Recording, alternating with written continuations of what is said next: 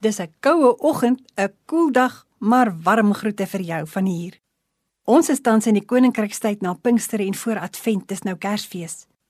Dit is die tyd waarin gekyk word na die kerk, die Here se kinders. Die werk wat hulle doen en hoe hulle die koninkryk en goeie nuus uitbrei. Vanoggend kyk ons na grensverskuiwers. Ons lees in Rut 2 vers 14. Toe dit etenstyd was, sê Boas vir haar: "Kom hierheen en eet 'n stukkie brood en doop dit in die wynsous." Sy het toe by die sneiers gaan sit en Boas het vir dit gebraaide koring gegee. Boas was welgesteld met 'n hoë posisie in die samelewing. Hy doen egter 'n paar onverwagte dinge. Hy tree as weldoener op, nie teenoor een van sy eie mense nie, maar teenoor 'n uitlander, 'n Moabiet. Rut was egter nie net 'n uitlander nie, sy was 'n vrou. Sy was nie net 'n vrou nie, maar Lara se werker. Sy het haarself in vers 13 'n slavin genoem, wat selfs laer is as een van Boas se eie slavinne of werkers. Boas se gebare van welwillendheid teenoor haar is dus besonder oordadig. Boas is bereid om 'n uitlander in die gemeenskap 'n kans te gee en selfs die nodige beskerming te bied.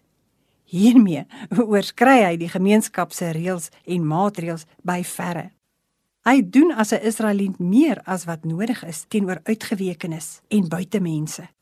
Sy welwillende optrede teenoor dit is nie net 'n blyk van omgee vir die minderbevoorregtes in die samelewing nie. Hy verwyd, hy verskuif die grense van etnisiteit en identiteit, met ander woorde van mensegroepe en hoeveel mense werd is. Waarom doen hy dit? Wanneer Israeliete te doen gekry het met buitelanders, het hulle gedink aan God se woorde in Eksodus 22 vers 21. Jy mag nie 'n vreemdeling verdruk of laat swaar kry nie, want jy was self 'n vreemdeling in Egipte. Hoekom sê God so?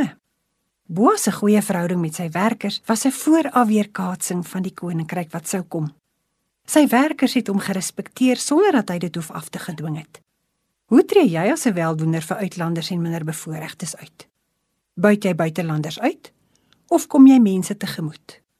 Stry jy iemand se prys af vir sy dagloon of vir sy ware wat hy verkoop? Oorweeg jy eers alles mooi of weier jy voor die voet? Is die onwelwillendheid wat jy van ander beleef nie vanweë jou eie kort arm nie? Wie weet wat se welwillendheid ons in buitelanders wat hier vir 'n tyd oorbly, se harte teenoor ander in Afrika kan laat posvat as ons wys hoe mense in Afrika ook goed kan wees vir mekaar. Moenie skuil agter jou salaris sekuriteit of jou oudag verpligting of jou ouderdom nie. Doen vir 'n slag iets dapper. Wees 'n grensverskuiwer.